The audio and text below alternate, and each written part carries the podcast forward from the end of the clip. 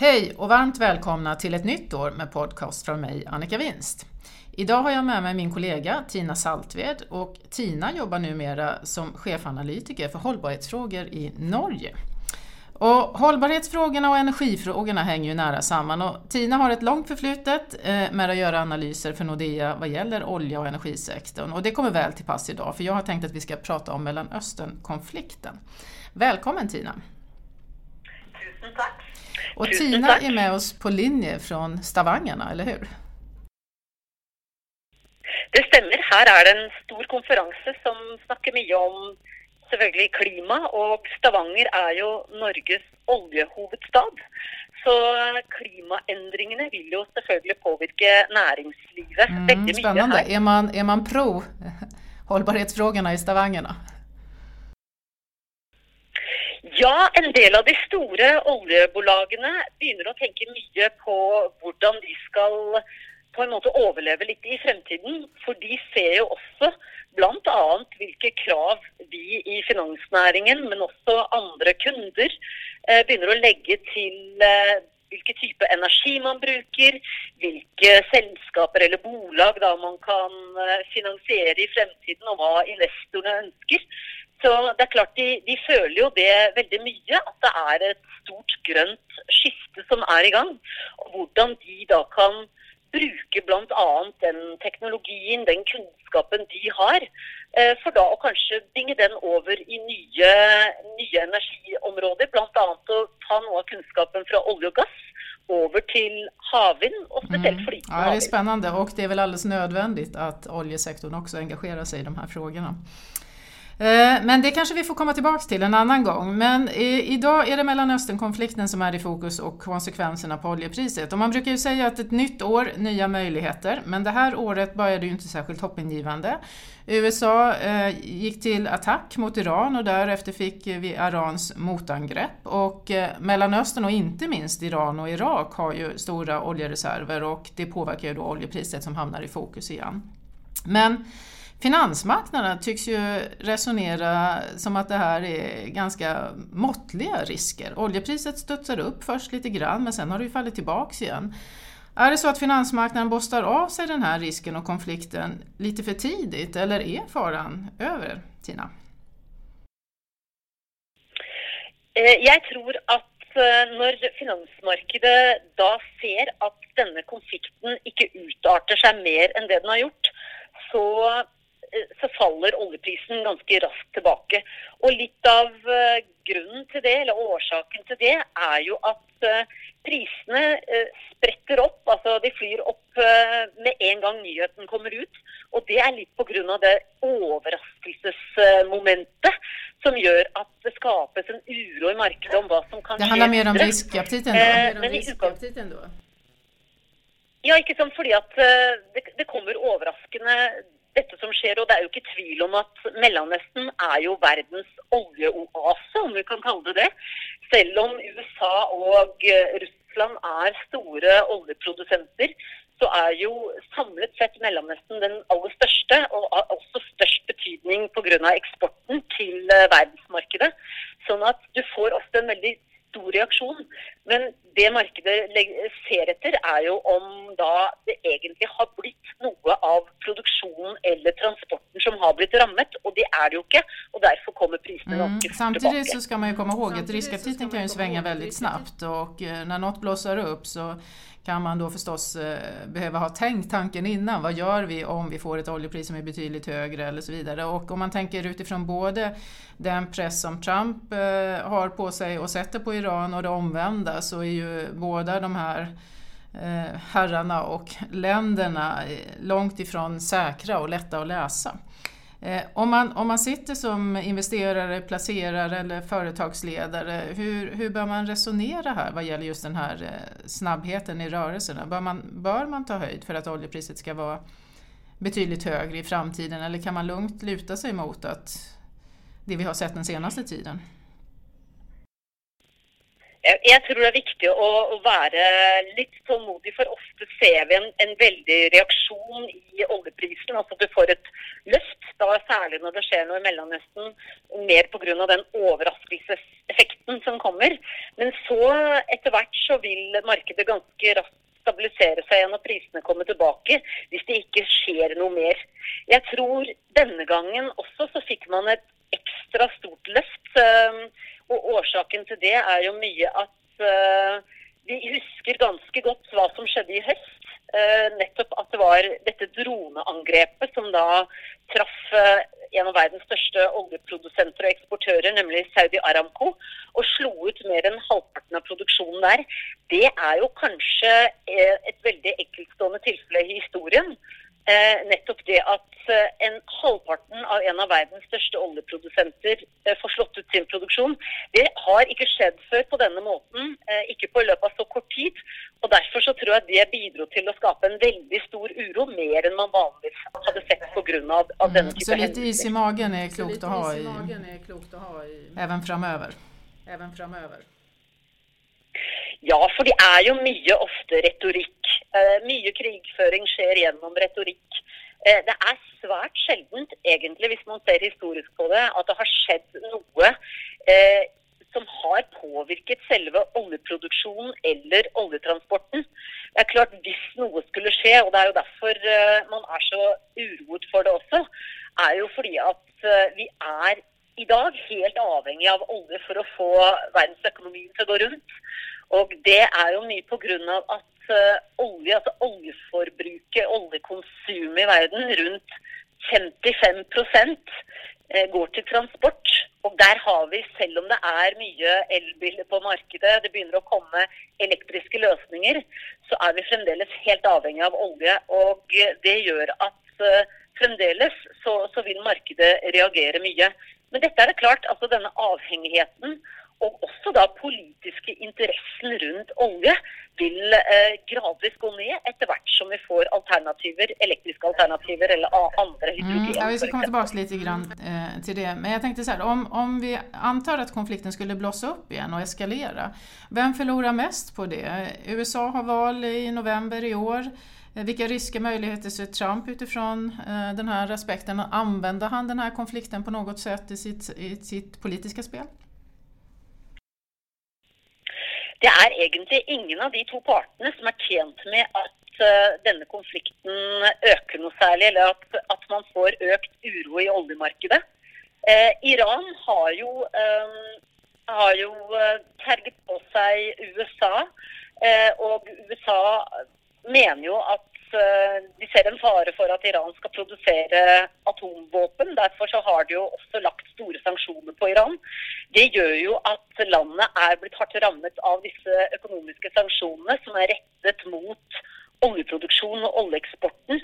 Så det gjør jo at de allerede har fått sin eksport og dermed også inntekter til landet redusert ganske kraftig i løpet av det siste, siste året. USA er jo heller ikke tjent med at oljeprisen går opp. Det som er en stor endring i løpet av de senere årene, det er jo denne kraftige økningen vi har sett i skifferproduksjonen i USA. For det gjør jo at USA nå i høst, for første gang på veldig, veldig, veldig mange år, eh, var eh, en netto eksportør av olje. USA har jo frem til da denne skifferproduksjonen eh, virkelig tok seg opp, vært en eh, netto importør siden i hvert fall starten av 1970-tallet. Eh, og det har gjort at de har vært veldig avhengig av veldig mange politisk ustabile land. Nå kan eh, USA isolere seg mer, eh, og det gjør at de også har blitt tøffere i tonen til, eh, til bl.a. Mellomøsten. Men USA, altså Donald Trump er heller ikke uh, tjent med å ha en høyere oljepris. Og det er fordi at da øker bensinprisene. Og i USA er det uh, veldig lave skatter, sånn at en økning i oljeprisen vil slå ganske direkte inn i en økt bensinpris. Og er det noe amerikanerne hater, så er det mm. økte Mm. Det betyr at det er vel egentlig snarere så at både de her to landene gynnes av at konflikten da eh, lugner ned seg, og at man forsøker jobbe åt det holdet om det er mulig, snarere enn at man tjener på den. Men, ja, for, men, ja, for, for i hvert fall for, for, eh, bensinpriser så er det det. Eh, sikkert på andre områder. Kanskje har man sett andre presidenter har, har også valgt å ha en konflikt. At man, eh, man klarte å skape mer samhold, som, som kanskje inför ett val. Ja, det har vi sett i historien mange gånger. Men, men hur ser du på maktkoncentrationen i världen utifrån den här frågan? Alltså vi använder ju mindre olja, du var själv inne på det. Eh, men vi är ju fortfarande väldigt beroende och om, om jag har eh, tittat rätt så är ungefär en tredjedel av global energi fortfarande från olja, eller kommer fortfarande från olja. Hur, hur påverkas maktkoncentrationen? Kommer Mellanöstern fortfarande vara lika stort fokus och hur lång tid tar den här omsvängen? En tredjedel är ju fortfarande mycket. Utfordringen er jo at dette går eh, ikke så veldig fort. Eh, og bytte fra fossile energikilder til eh, fornybare energikilder. Og hovedårsaken til det er jo rett og slett at vi har en økende befolkning i verden. Vi har også, og det er jo bra, vi har en økende levestandard i verden. Det betyr at etterfrågen etter energi samlet sett, den øker. Og det gjør at det blir enda vanskeligere. Altså det er vanskelig nok å øke fornybarsatsingen nok til å dekke det økende energibehovet. Og så skal man i tillegg, eh, for å nå klimamålene, kutte ganske drastisk i fossil energi. Så det går ikke så fort som man håper, og, det gjør at vi fremdeles er ganske avhengig av olje. Likevel så har jo høye oljepriser eh, nå f.eks. i 2008 og senest i 2014, det har jo bidratt til at vi har eh, effektivisert energibruken vår mye. Sånn at vi bruker mye mindre bensin eller flybensin nå enn det vi gjorde i transporten for noen år siden. Så den måten har man klart å redusere noe. Men fremdeles er verdensøkonomien helt avhengig av olje. Og det gjør også at verdensøkonomien vil reagere, selv om den ikke reagerer like mye som den gjorde før, på en oljepris. Ja, det betyder at Mellomøsten kommer være i fokus utifrån den denne aspekten kanskje åtminstone et desember til, eh, da vi er sterkt beroende av dem. Men om man lämnar eh, lite grann den här eh, konflikten och bara spekulerar lite grann, vad händer i ekonomin eh, eller ekonomierna eh, när oljepriset går upp eller ner? Och eh, då behöver man ju tänka lite vidare perspektiv. Så förutom att risken för krig och riskaversion som vi då har pratat om, så finns ju också risken för att man får inflationsimpulser och går inflationen upp så får man ju också eh, risk för konjunkturavmattning när oljepriset stiger kraftigt. Och om vi börjar med inflationsimpulserna så är ju de relativt stora. Vi gjorde ett räkneexempel på Sverige så att om man antar att oljepriset går från 70 dollar till 100, nu var det inte riktigt uppe på 70 eller är idag, men säg 70 dollar till 100 så upp med 30 dollar.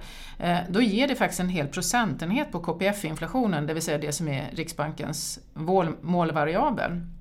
Och eh, det betyder ju i så fall, om vi skulle få en procentenhet högre inflation, då är vi över centralbanksmålet. Och då kan man fundera, hur ser centralbanker på det här? Och normalt brukar man ju säga att korta eh, chocker, alltså på kort sikt så ska man då bortse från dem, energipriserna är väldigt volatila och så vidare. Men om det hänger kvar, då sprider det sig till konsumenter och konjunktur. Och vad är din bedömning? Hur kommer centralbanker att, att se på det här? Nu gick det väldigt snabbt tillbaks, men säg att vi får ett, en, en prisökning upp till 100 dollar på ett halvår. Vad får, vad får det för konsekvenser? Det er klart at Hvis oljeprisen eh, øker kraftig og blir liggende på et høyere nivå, så er det en stor utfordring for, eh, for, sentralbanken. For På den ene siden så kan man jo da velge å, å sette opp renten, men da bremser man i verdensøkonomien. Eh, og det er jo ikke sikkert at verdensøkonomien har god nok fart til at man ønsker å gjøre det. Og da må man jo rett og slett leve med at, at prisene, at inflasjonen ligger litt over målet over en periode. Så jeg tenker at i utgangspunktet så er sentralbankene ser litt bort fra egentlig økende energipriser, som du var inne på. Uh, nettopp fordi at um, det er ofte andre, andre vekstimpulser man ser mer på, som kanskje er mer tongivende. Men det er, det er, jo ikke tvil om at når oljeprisen øker, så vil det legge en demper eh, på verdensøkonomien. Og det kan jo nå komme på toppen av en handelskrig og Eh, vi har jo også sett tendenser til at det bremser opp litt eh, rundt, eh, rundt i verden. Så det kan bidra til å forsterke de oppbremsingseffektene. Mm, om, man, om man vänder blicken till konjunktureffekterna då så er det jo så at om, om centralbankerna skulle høye renten for å dempe inflationen da har man jo redan negativa konjunktureffekter fra et høyt oljepris. Sen beror det forstås på litt grann ulike länder og ulike beroende av energiprisene. Men, men i, i Europa ser det jo ut så i mångt og mye, og i de nordiske landene, foruten i, i Norge ser det ju ut så. Eh, och om man antar att vi får ett, ett eh, oljepris på 100 dollar per fat i ett halvår ur ett konjunkturperspektiv, vad skulle du säga att hur mycket påverkar det global tillväxt? Sånn historisk sett så har det vel eh, en oppgang i oljeprisen på ca. 10 dollar har vel hatt en 0,2 prosentpoeng effekt på, på, verdensøkonomien. Så det er klart en oppgang fra dagens nivå på rundt 60 til 100 på en kort tid ville være vanskelig for verdensøkonomien. Og det vil nok bidra til å, å dempe og kanskje lede i verste fall uh, verdensøkonomien uh, ned i en uh, resesjon. Men, men, det vil være vanskelig å, å, kunne tåle. Det vi ser også er jo at det er jo det er usymmetrisk hvordan en endring i oljeprisen påvirker også vekst, veksten i verdensøkonomien. Hvis oljeprisen går opp, så har det jo en dempende effekt på oljeimportørene. Og, eh, og, så tjener jo selvfølgelig oljeeksportørene mer, men de har en tendens til å sette pengene på bankboken istedenfor å Ikke minst i Norge. Hvis vi ser derimot at ja, ikke, ja, akkurat som vi gjør i Norge. Vi sitter og holder pengene våre for oss sjøl på en bankkonto. Men i motsatt fall, hvis oljeprisen faller, så ser vi ofte at det bidrar til økt uh, konsum. Eh, så, så, den effekten er ikke symmetrisk. Det er ofte en større konsumeffekt hvis oljeprisen faller, fordi at det bidrar til en mer jevn eh, en, en jevn eh, en lettelse da, i, i, eh, den husholdningsøkonomien mer eh, hos selskapene enn at vi ser at oljeprisen øker. At pengene da settes på bok og ikke brukes, og da ikke stimulerer økonomien. på Men det er jo i hvert fall så at det er flere länder som er konsumenter enn produsenter av energi. Og om man tittar på Europa f.eks., exempel så er jo Europa store importører. og et høyt oljepris eller et høyere oljepris i Europa det er jo omtrent samme sak som at man får en skattehøyning. Det vill säga att det får konjunktureffekter. Hur eh, tror du Europa hanterar eh, det här? I Europa har vi också diskussioner vad gäller finanspolitiken och inte minst om man ska gå in och stötta lite mer från finanspolitiskt håll där Merkel tittar på hållbarhetsfrågan och det finns ju de som spekulerar i att om det kommer någon stimulans från euroområdet så kanske det är så att man gör något grönt fokus i de här hur, hur, ser du på en, en skattehöjning idag i Europa om vi får ett högre oljepris, alltså som jämförs med en skattehöjning, så skulle ju det inte vara särskilt bra i det konjunkturläge vi befinner oss idag. Nej, och Det er ju litt av utfordringen også, at uh, vi er helt avhengig av uh, nettopp olje. Uh, det er jo også litt, tenker jeg, det at man kan gjøre seg mindre avhengig av olje. Så har man jo også muligheten til å switche litt fordi olje har vært så dominerende i uh, visse sektorer, bl.a. transport, som verdensøkonomien er helt fullstendig avhengig av for å få den til å gå rundt. Uh, så gjør det jo også at oljeprisen får en veldig stor effekt på økonomien. Uh, det gjør jo også at hvis man f.eks. da kan få i gang konkurranse, og der tror jeg faktisk at oljeindustrien kan skylde litt seg selv også. Det er ikke bare klimatfrågen, men det er også prisen, oljeprisen, at oljebolagene eh, lot oljeprisen gå opp til nesten 150 dollar per fat. Eh, det gjorde også at man eh, trigget eh, investeringer i annen type energi. Sol, vindproduksjon og ikke minst også utviklingen av elektriske biler. Eh, for før dette så var jo oljeindustrien dominerende. Det styrte markedet. Etter hvert nå så ser vi at de får økt konkurranse også innenfor sektorer hvor de tidligere ikke har hatt konkurranse. Og Det gjør jo at vi blir mindre avhengig av olje. Og det gjør at hvis prisen på olje i fremtiden går opp, jo da er det klart at da bytter vi jo bare. Da bruker vi heller noe annet. Og eh, Europa vil jo også være, ønske å være mer selvforsynte med energi. At man ikke blir avhengig av en del ustabile eh, leverandører. Eh, så er det klart at eh, en høy oljepris trigger investeringer og det grønne skiftet raskere. Så det er selvfølgelig noe OPEC-landene ser. Og derfor prøver også å forhindre at oljeprisen mm. går altfor høyt. Ja, det är väl bra om, om eh, ett högt oljepris eh, driver på eh, hållbarhetsinvesteringar i, i, energi, men det går ju inte över en natt utan det tar ju ändå ganska lång tid att göra de här eh, förändringarna. Och, och, vi ser ju till exempel, du var själv inne på USA innan, som är, numera eh, är exportörer snarare än importörer. Och eh, investeringar i källgas kommer ju igång så fort oljepriset kommer upp. Eh, men USA då, du, du pratade om att hushållen är mycket bilberoende och känsliga för bensinpriset. Eh, vad kan, kan, man förvänta sig händer i USA om vi skulle få ett oljeprisökning på, på 30 dollar per fat eller något liknande? Vad händer med konjunktur, finanspolitik, penningpolitik? Eh, USA er jo i en Altså, USA har jo vi ser på handelsbudsjettet, eller eh, tidligere så har jo underskuddet på handelsbalansen i USA de har jo på en måte fulgt konjunkturen i oljeprisen. Så har oljeprisen falt, så, så ser vi at vi har fått en bedring i handelsbalansen, og, og motsatt. Nå når eh, USA begynner å bli mer selvforsynte, så er det klart at de er mindre også avhengig av det. Men selv om USA nå produserer mye mer olje, har blitt mye mer uavhengig av eh, importen, så er de allikevel eh, så er de likevel avhengig av å importere en del olje. Det gjør at eh, USA ikke kan isolere seg helt fra hva som skjer i resten av, av eh, verden og verdensøkonomien. Rett og slett fordi at eh, den oljen som de nå produserer mye av, det er skifferoljen. Det er en veldig lett olje. Eh, amerikanske raffinerier som da gjør om råolje til de oljeproduktene vi faktisk bruker, de er ikke innstilt på å ta mot lettolje fra skifferproduksjon. De er innstilt på bl.a. å ta imot mer tungolje fra Venezuela. Nå importerer man mindre av den fordi eh, USA prøver å, å, omstille seg. Men det er en veldig stor kostnad for amerikanske raffinerier å uh, kunne endre på, på, nettopp denne settingen som gjør at de kan bruke mer av den lette oljen de produserer selv. Så USA er uh, fremdeles ganske avhengig av å importere olje. Uh, og det gjør jo også at vi vil merke en oppgang i oljeprisen fremdeles. Men det er klart at situasjonen her er helt annerledes enn tidligere.